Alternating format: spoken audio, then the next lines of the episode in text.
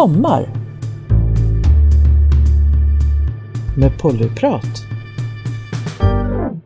Välkomna! Idag så ska ni få ta del utav Pollyprats tredje och sista sommarpratare. Ellie. Ellie kommer att prata om svartsjuka och vad det kan förgifta oss. Jag känner mig verkligen igen mig i det här sommarpratet. Den där svarta sörjan som kan ställa till allting så. Ellie kommer dela med sig utav sina mörkaste vrår och det där som förgiftar oss. Hon kommer också ge oss hopp och vägar framåt. Och kanske kan vi alla växa lite grann på vägen. Varsågod Ellie!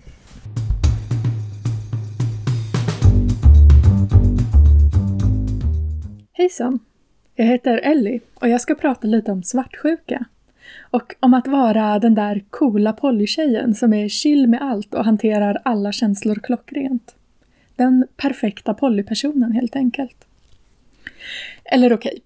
om man ska göra poly, om man ska göra relationer överhuvudtaget, så är det bra att vara ärlig.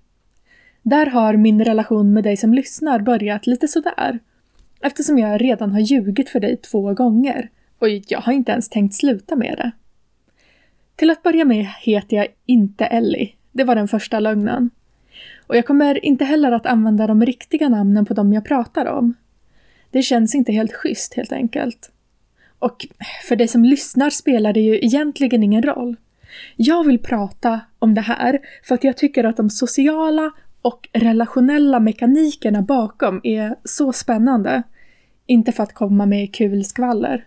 Vi känner ju inte varandra så bra än, du och jag. I den fortsatta ärlighetens namn vill jag också säga att det jag ska prata om är bara mitt perspektiv på saker och ibland kommer jag att förenkla händelser, antingen med flit eller av misstag och dåligt minne. Om du pratade med någon annan av människorna jag nämner är det mycket möjligt att de ser saker på helt andra sätt. Ta det som polyfabler, kompletta med sensmoral och i alla fall hyfsat sanna. Den andra lögnen var nog ganska lätt att lista ut. Jag är inte den perfekta polytjejen. Jag är verkligen inte chill med allt och även om jag blir bättre och bättre på att hantera känslor så är det för att jag har så många misstag att lära av. Och förresten, en sista liten brasklapp.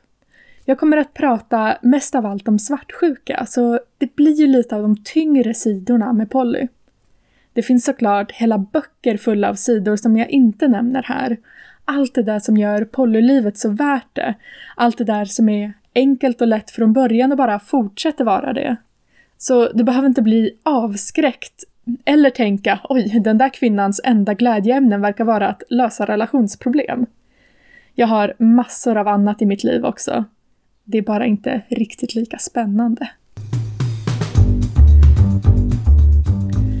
Jag har varit poly i fem år, eller kanske hela livet beroende på hur man ser på det.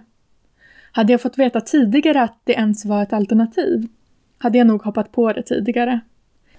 Istället var mina första relationer fyllda av andra förälskelser som jag aldrig gjorde något av. Och tanken, ja ja, men min pojkvän är ändå den jag tycker bäst om, så jag får väl vara nöjd med valet jag gjort.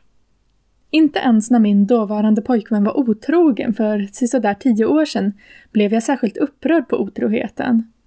Det är faktiskt först nu jag har börjat inse att det var otrohet det handlade om. Vi hade pratat om att han kanske skulle få en chans att ligga med andra medan jag ändå var borta och pluggade på folkhögskola. Så det jag var mest frustrerad över var att han gjorde det innan vi var klara med förhandlingarna och kanske lite av att han valde en tjej som jag redan ogillade. Och när vi väl gjorde slut var det av andra anledningar. När mitt senaste monoförhållande med en annan pojkvän tog slut bestämde jag mig för att det var dags att prova det där med Polly. Dels var jag sugen på friheten att dejta mer än en person, men det var också en annan frihet som lockade. Jag hade bott tillsammans med min pojkvän i mer än ett år och upptäckt hur mycket jag saknade folkhögskoletiden. Där jag visserligen hade en monopartner, men där vi träffades kanske var tredje helg och tiden däremellan var bara min att rå över. Att bo ihop och hela tiden behöva förhålla sig till sitt förhållande hade varit både krävande och kvävande. Och jag var sugen på det där med att dejta folk som också hade andra partners, så att de inte skulle vara lika beroende av mig och min tid. Jag bestämde mig för att ha mig själv och mina kreativa projekt som primärpartner. Och så dejta vid sidan av det liksom. Jag satte till och med upp regler för mig själv att om jag upptäckte att jag fastnade för mycket i tankarna vid en annan person så skulle jag med flit bryta mig ur det och gå för att planera en bok eller ett sömnadsprojekt. Min första polypartner levde verkligen upp till det där med att ha andra partners. Sebastian var en kollega som jag spanat in i mer än två år och som jag visste var poly därför att han dejtade mer än en av mina vänner och han hade fler partners utöver det. När jag frågade om han ville ses och kanske kramas lite till att börja med visade det sig att inspaningen hade varit ömsesidig. Och bara några veckor efter att vi hade börjat dejta träffade Sebastian Emilia. Här börjar en av de här lära av misstag-grejerna där jag önskar att jag hade haft mer polyfabler i mitt eget liv innan dess. För då hade jag kanske kunnat undvika i alla fall de fånigaste fällorna. Till exempel hade det varit nice att bli informerad om att det är helt okej okay att vara svartsjuk och obekväm ibland. Jag ska inte skylla allt på Polly. Jag hade en del mindre optimala sätt att fungera. Och det knepigaste var en bergfast övertygelse om att jag vid varje givet ögonblick antagligen tog upp lite för mycket plats. Och om man alltid är redan på gränsen till att vara i vägen så är det jättefarligt att inte alltid vara 100% chill och okej okay med allting. För om man blir knepig så är man ju definitivt en belastning och det är inte okej okay någonstans. Alltså, för att vara tydlig, det här är ett kast sätt att tänka. Och utifrån går det oftast att se hur fånigt det lätt blir. Men när man själv är mitt inne i det kan det vara svårt att märka hur fel man har. Men ja, tillbaka till historien. På något sätt hade jag fått för mig att jag hade rätt till att få lite extra känslomässigt stöd och uppmärksamhet för att jag var helt ny till Pollylivet och till Sebastians liv. Och här kom det en människa som var ännu nyare. Det betydde naturligtvis att jag nu var relegerad till rollen som Polly-veteran och den enda som hade rätt till obekväma känslor var Emilia i rollen som nykomling. Vi träffades första gången på en övernattning ute i skogen.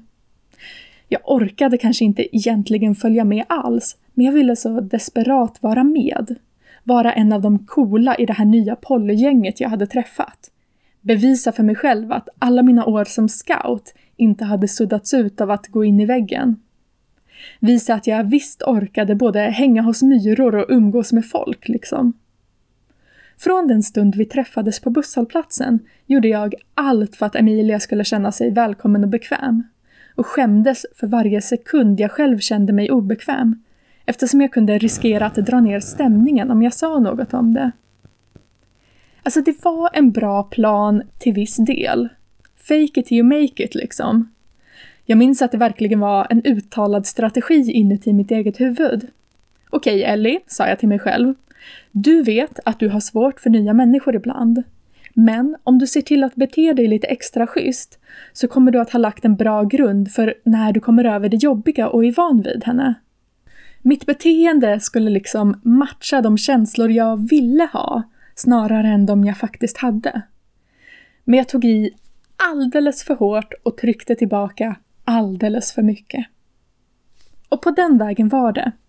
Jag var dessutom utbränd som sagt och övertygad om att alla mina knepiga känslor berodde på att jag var för dålig på Polly, känslor, allting. Så istället för att bara ha ett öppet och rimligt samtal om det började jag undvika alla grupphängstillfällen där Emilia skulle vara med. Det var ju mitt fel att jag var så himla krånglig och inget hon skulle behöva lida för. Det här pågick alldeles för länge, så där som saker ofta gör när det är mycket annat att ta hand om i livet. Jag trodde att lösningen skulle vara att jag tog ett krafttag, tog tag i mina känslor och bara kom över min svartsjuka och blev en bättre människa.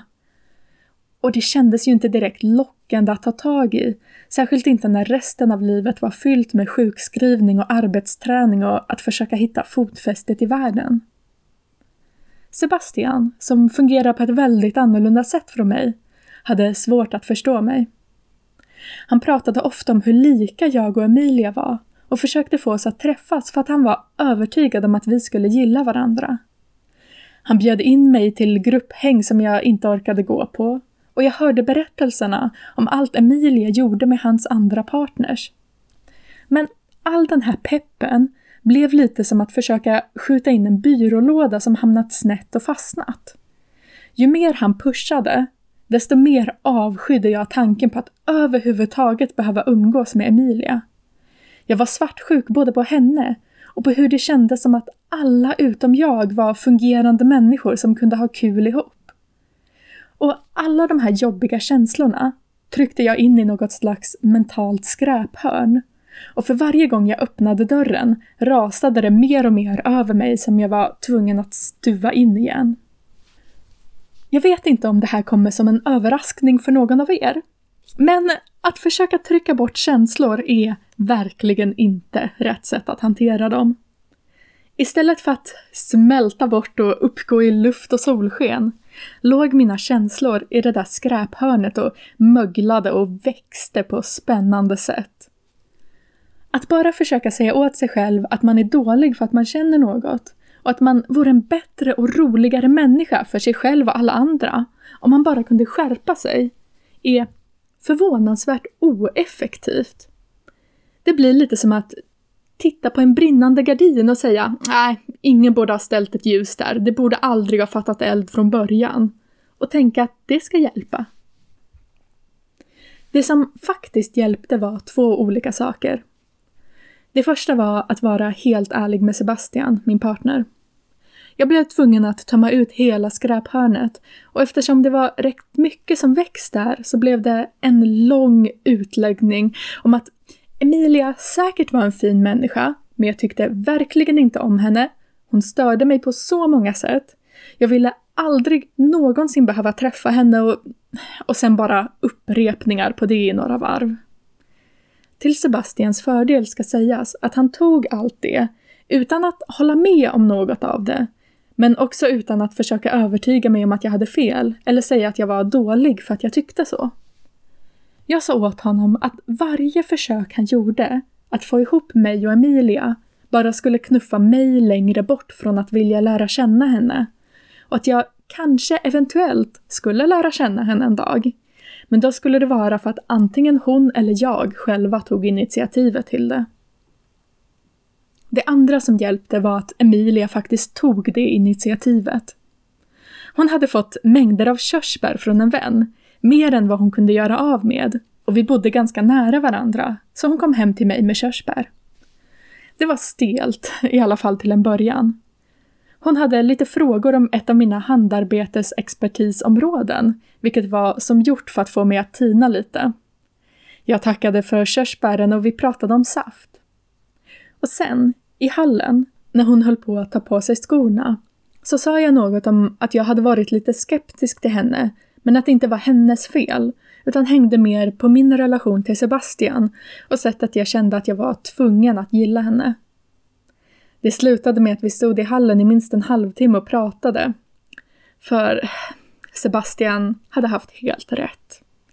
Emilia är en fantastisk människa. Vi är väldigt lika på många sätt, även om vi helt klart är olika också.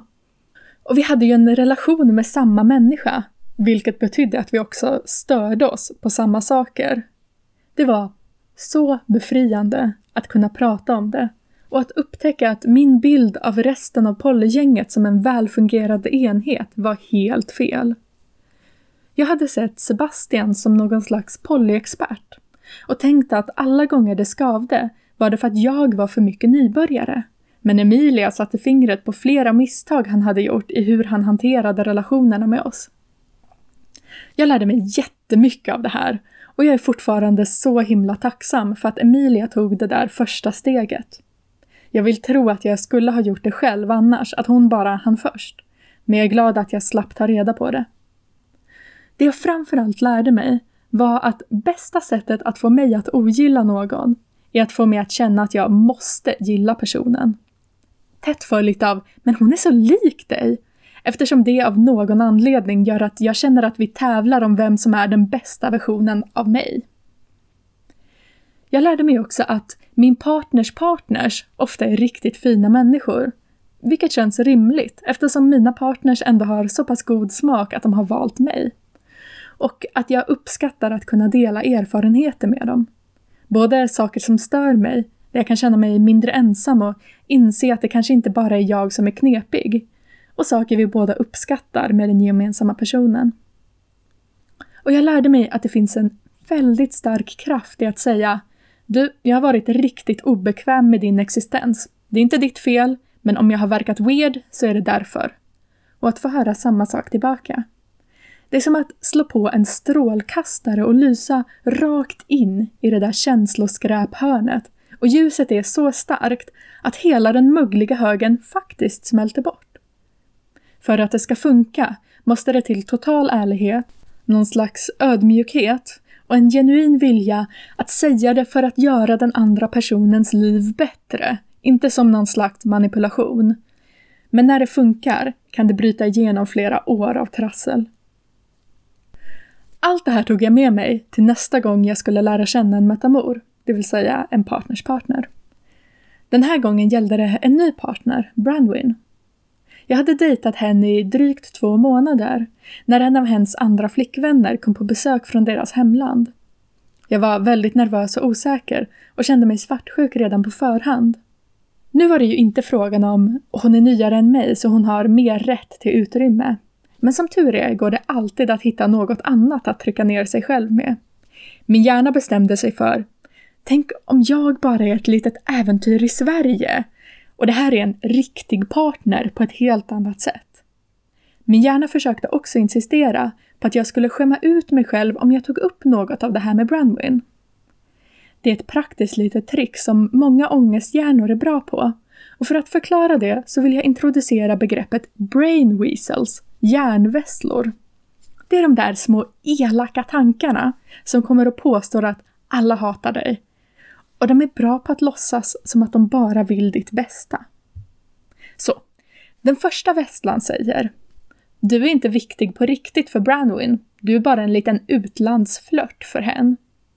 Västlan nummer två säger Om du säger det här till henne så kommer du att tvinga henne att säga Nej men du är visst viktig för mig. Dels så är det manipulation och inte schysst. Och dels så kommer du veta att det är en lögn. Så säg ingenting, bara finn dig i din oviktiga plats. Det är ju inte som att du förtjänar något bättre. När jag försöker sätta mig upp mot vesslorna så kommer de med sitt mästerdrag, det som gör dem så svåra att stå emot. Jag ruskar av med deras vassa små tänder och säger åt dem på skarpen att jag visst är viktig och att jag vet att de bara ljuger för mig. Då nickar en tredje vessla med sitt lilla vesslehuvud och säger Ja visst, de där två andra vesslorna är helt orimliga. Så orimliga att du inte får säga något om dem till Brandwin. Hen skulle tycka att du är superlöjlig och paranoid. Och de andra två vesslorna nickar med och säger nej, säg ingenting. Antingen har du rätt och då låter du dum. Eller så har vi rätt och så är du manipulativ. Stanna här med oss bara. Men jag pratade med Brandwin ändå. Precis som med känslomässiga skräphörn så är det bästa botemedlet för vesslor att bara dra ut dem i ljuset. För där smälter de förvånansvärt snabbt. Branwin tyckte inte alls att jag var dum som var orolig för det här, även om hen sa att jag absolut visst var viktig. Just att kunna säga “det är inte så, men jag förstår varför du är rädd för det” är något otroligt värdefullt i relationer. Att bara säga “nej men så är det inte” kan ibland bli ett “så du är dum som tror det” Att lägga till ett “jag kan förstå varifrån den känslan kommer, även om det inte är så” blir så himla mycket mer bekräftande.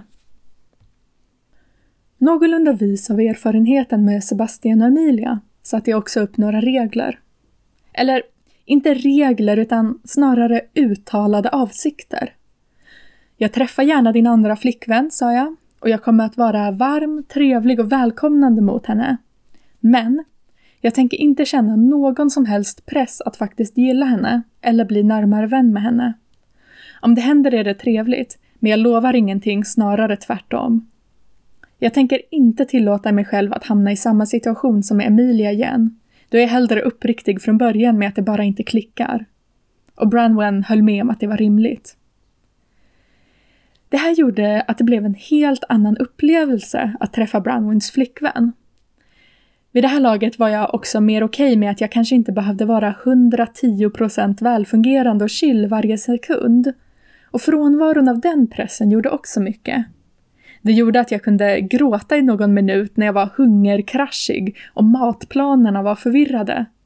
Och istället för att fastna i skam över det efteråt, studsa tillbaka så snart vi hade en plan och ha en riktigt trevlig kväll med de andra så snart jag faktiskt fått mat. Det var dessutom ett flera månader långt Sverigebesök för Branwins flickvän, medan Branwin själv var tvungen att resa bort med jobbet flera gånger. Så istället för att vara rädd och skeptisk inför den här nya människan umgicks vi riktigt mycket bara vi två medan vår gemensamma partner var borta. Det är verkligen något särskilt med att umgås med en meta utan den gemensamma parten närvarande. Jag blir alltid mer sårbar när jag är nära en partner. Det är som att jag hamnar in i ett flickvänsläge som är mer privat och känslomässigt naket. Och det är mysigt, men det kan också vara jobbigt. Särskilt om jag samtidigt ser min partner med en helt annan människa och märker av deras dynamik som är både lik och totalt olik våran. Det blir så många saker att balansera. Ensam med den andra partnern däremot hamnar jag i ett kompisläge som är mycket lättare att navigera. Det hjälper riktigt mycket för mig att bygga upp en separat relation mellan mig och min meta, som inte har med den gemensamma partnern att göra. Det gör också att det blir en verklig människa i mitt huvud och det är lättare att reagera med intresse, sympati eller medglädje när min partner sen pratar om henne. Här vore det trevligt att kunna påstå att sen dess så har allting gått helt och hållet smärtfritt. Min trassliga början med svartsjuka i polylivet har förvandlats till en sedelärande berättelse och jag har fått belöningen. Vilket är att äntligen vara en chill polytjej som är okej okay med allt och har perfekt koll på mina egna gränser. Men så är det ju inte. Livet har en tendens att slänga på en nya saker. Och svartsjuka är en del av min natur som jag bara får lära mig att leva med, snarare än något som jag lyckats slänga ut totalt. Och det hänger på så mycket mer än bara den lilla triangeln av en själv, ens partner och ens meta. Förra vintern, precis innan pandemin, skulle Brandwin hälsa på en annan person. Jag var väldigt stolt över hur jag och hen hade tacklat min svartsjuka över hens två flickvänner från hemlandet. Och jag blev lite förvånad över hur ont det gjorde att hen skulle till en annan kvinna här i Sverige. Var det för att det var en annan svensk? Nej, det stämde inte riktigt. Det tog ett tag innan jag lyckades reda ut det.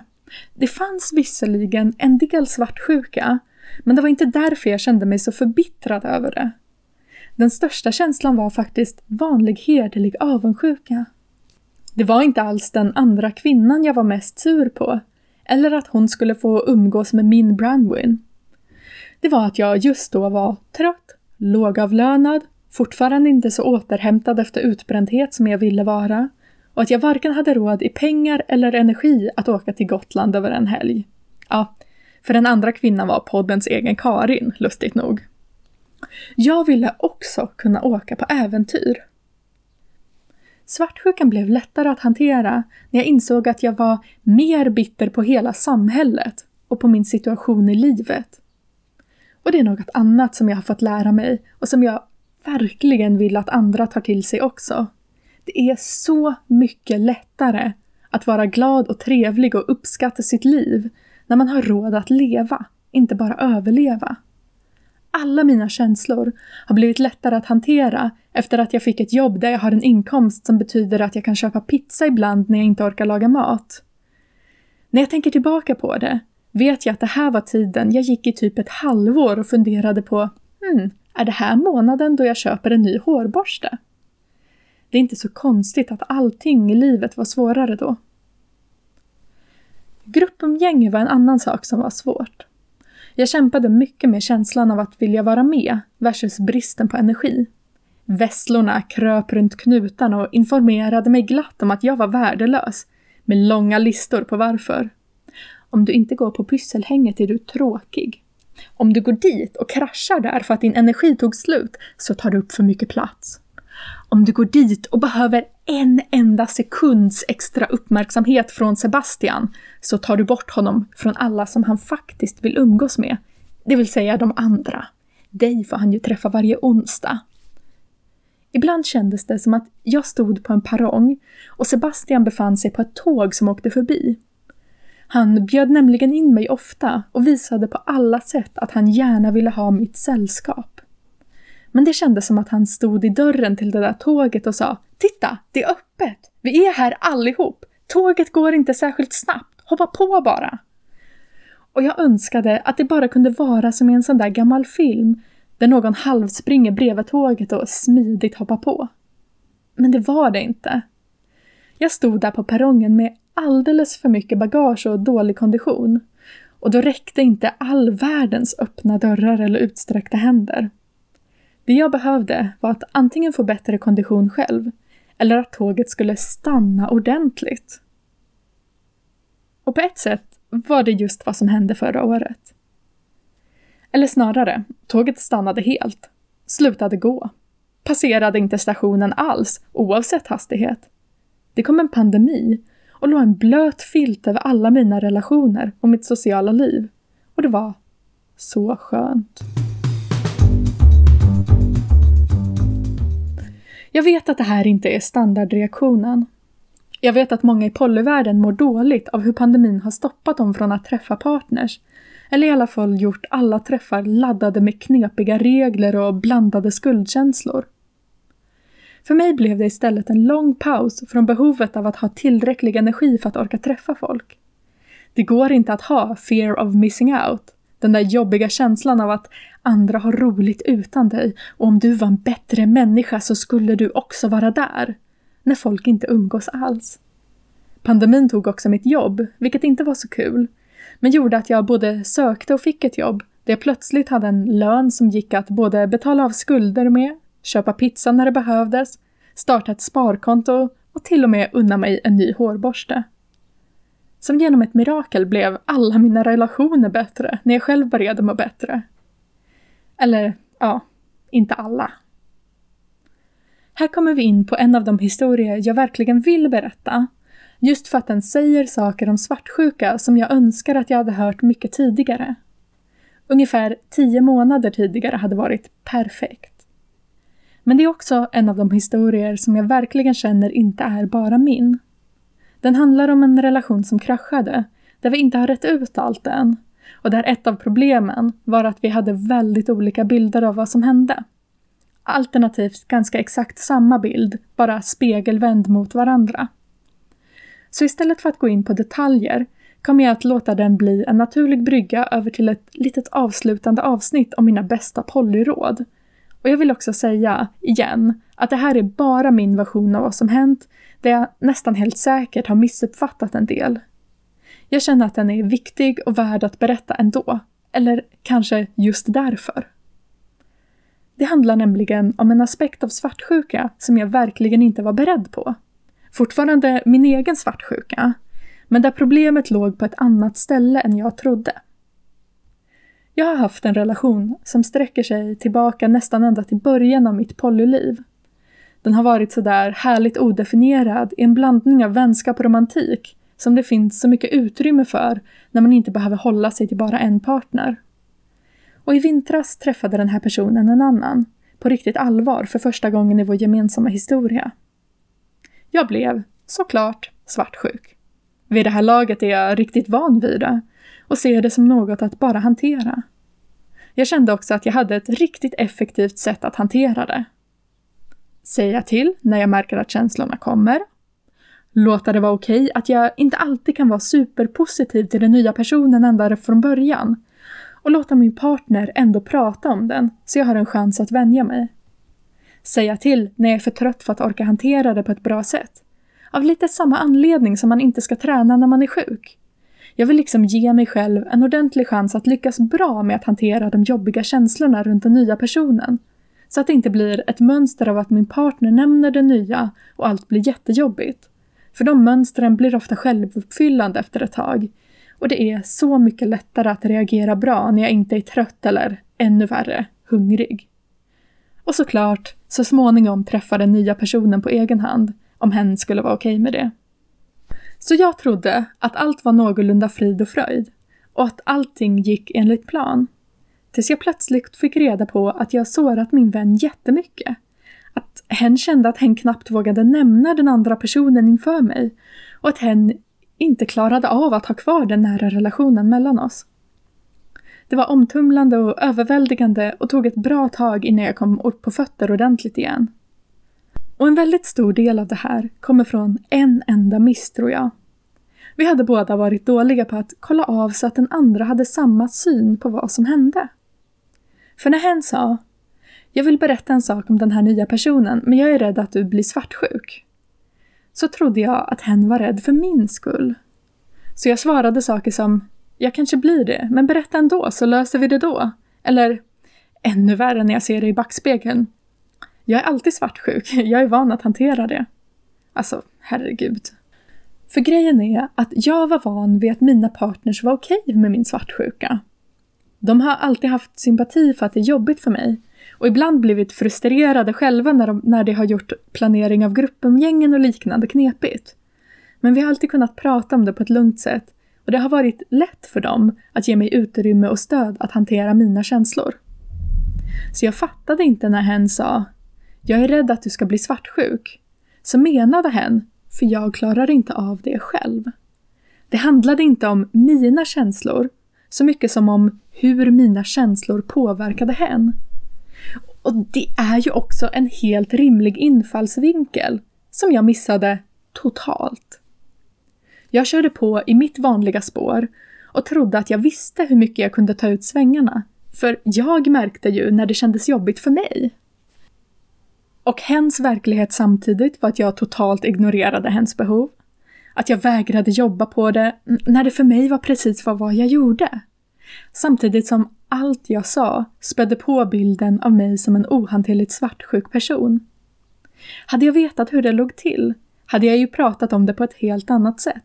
Lutat mig mer på andra personer i mitt liv för att reda ut mina känslor. Och aldrig någonsin sagt “Det är lugnt, jag är alltid svartsjuk” som ett skämtsamt exempel på hur van jag var vid att hantera det. Vi har inte löst det här än och naturligtvis var det mer än det här som hände. Men jag berättar om det för att understryka hur extremt jättesuperviktigt det är att checka in att ni båda har samma version av verkligheten. Jobbiga känslor påverkar olika personer på olika sätt och det som fungerar i en relation kan bli helt och hållet fel i en annan. Det här är också varför jag vet att vi behöver mer polyhistorier i media. Både i tidningar och i dokumentärer och i fiktion. Framförallt fler som inte är heterosexuellt par träffar het bisexuell, oftast yngre kvinna och tar in henne som partner.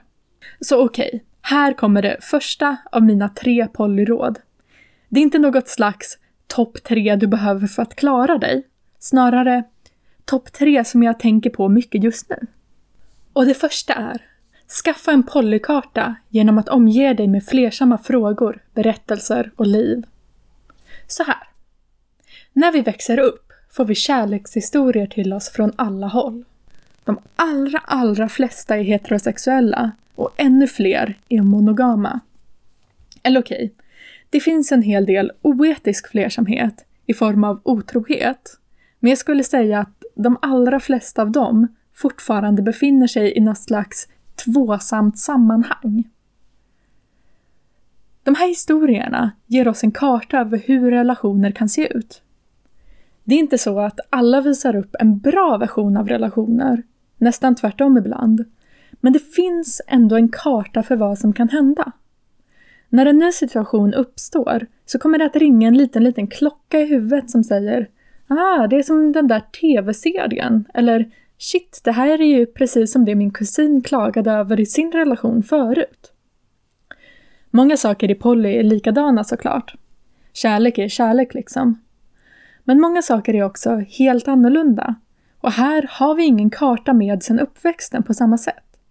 Det finns fallgropar och stora områden med texten “Här bor drakar” och genom att hänga i polysammanhang kan man få en liten förhandsaning om var de vanligaste farorna lurar. Ett av de vanligaste exemplen, som är på gränsen till uttjatat i polyvärlden men nästan helt okänt utanför, är idén att om man vill öppna upp sitt förhållande så är det lättaste sättet att hitta en enda ny partner som ska dejta båda i originalrelationen. Så man slipper svartsjuka liksom. Med den gamla vanliga monokartan ser det ut som en fullt rimlig väg. Och det är först när man fått polykartan som man ser att just den vägen är så gott som täckt med varningsflaggor. Utöver att en person som garanterat kommer att klicka med båda andra är sjukt mycket svårare att hitta, så finns det massor av maktobalans och risk för krossade hjärtan inbakat på ett helt annat sätt än om man tar den lite läskigare stigen ur ett monoperspektiv sett, att börja dejta separat. Jag menar alltså inte att det är den enda godkända vägen, även om det ibland kan låta så. Bara att utan den uppdaterade polyversionen av kartan har man ingen aning om hur förrädisk marken här är. Eller som att för många regler, vilket kan se ut som trygghet från början, oftast bara betyder att det finns fler saker man kan bryta mot och såra någon man älskar. Och att de ofta blir konstiga och orättvisa mot nya partners. Okej, jag kan göra den här listan hur lång som helst. Typ, har ni tänkt på att det oftast är mycket lättare när man börjar dejta en polyperson att hantera svartsjukan inför dens existerande partners än när den träffar någon ny? Det kommer som en chock för många som tror att de vet vad de håller på med. Även om det när man tänker efter är väldigt rimligt eftersom det nya representerar något okänt. Okej, jag ska verkligen slita mig från den här listan och summera det här polytipset med Se till att omge dig med polysammanhang så att du får i dig fler polyhistorier och kan ladda ner en mer högupplöst polykarta. Polytips nummer två fortsätter på kartliknelsen, men med en ny twist. För det räcker inte att bara lyssna och läsa om andras erfarenheter och de goda råd de kan ge och få i Facebookgrupper och diskussionsforum. Man måste tänka själv också. Jag vet, det är skitjobbigt, men det är också väldigt viktigt. Om du kommer ihåg det jag pratade om från början av min polykarriär så kämpade jag jättemycket med att känna att jag tog upp för mycket plats. Och när jag gav mig ut i forum och grejer fick vesslorna vatten på sin kvarn. Just då var nämligen alla polygrupper fulla av folk som sa Dina känslor är ditt ansvar, det är inte din partners jobb att lösa dem. Det är inte ett dåligt råd i rätt sammanhang. Det finns alldeles för många som använder sina jobbiga känslor för att styra sin partner. Jag känner mig ensam när du är med din andra partner blir ett sätt att tvinga någon att stanna hemma och kanske till och med att tvinga bort den andra relationen så att man är poly i teorin men inte i praktiken. Eller något av de andra tusentals sätt som känslor kan användas som maktmedel. Men för mig, som var helt uppe i min känsla av att vara i vägen, blev det totalt fel råd. Västlorna plockade upp det direkt och gjorde om det till ett väldigt tydligt om du någonsin uttrycker en enda känsla som påverkar dina partners negativt på minsta sätt eller tvingar dem att ta hand om dig det allra minsta, så är du ond och manipulativ. Det tog helt hållet bort det faktum att mina partners är med mig för att de älskar mig och i det ingår att de faktiskt vill hjälpa mig att bära saker ibland. Det är lite som att ge vägbeskrivningar utan att ha hela kartan. Även om det utåt sett ser ut som samma situation kan det fortfarande gå totalt åt skogen. Så apropå just skogen, om du vilse i den och lyckas kontakta någon som säger “Står du vid en sjö? Okej, okay. ställ dig så att du har sjön i ryggen och gå sen åt vänster” så hjälper ju det bara om personen vet vilken sjö det är och vilken sida av den du befinner dig på. Du kan lika gärna gå ner i ett träsk som att komma tillbaka till civilisationen. Såklart blir det ännu mer komplicerat för att träsket ibland är en nödvändig bit av vägen. Det vill säga, du behöver inte bara kolla om jag följer det här rådet, kommer det bli bra eller kommer det att göra ont?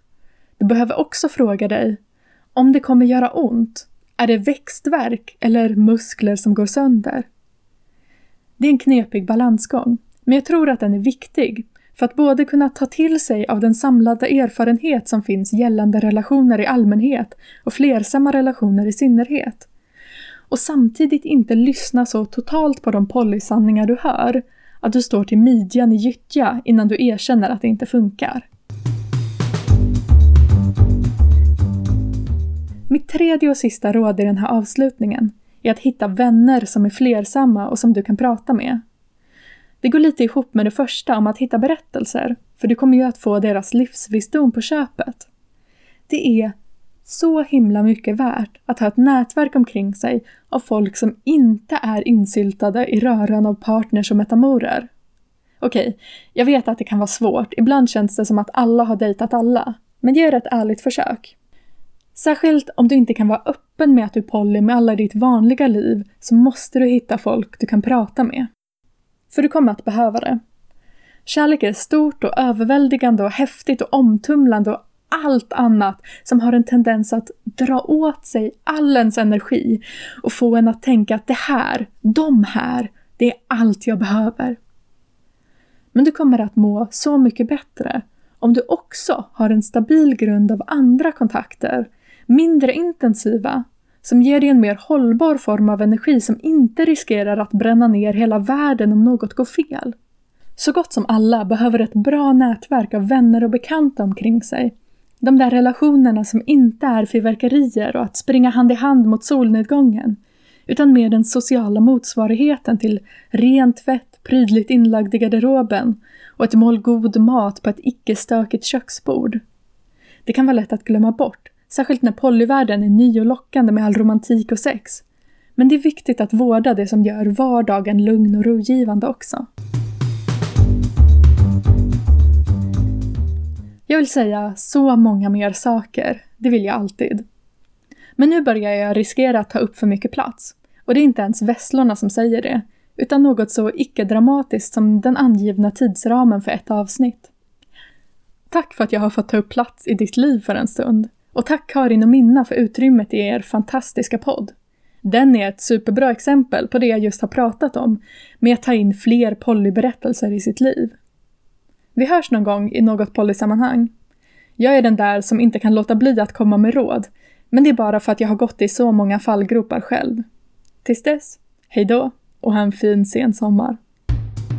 Du hittar Pollyprat på vår Facebook-sida och där poddar finns. Ställ gärna frågor till oss.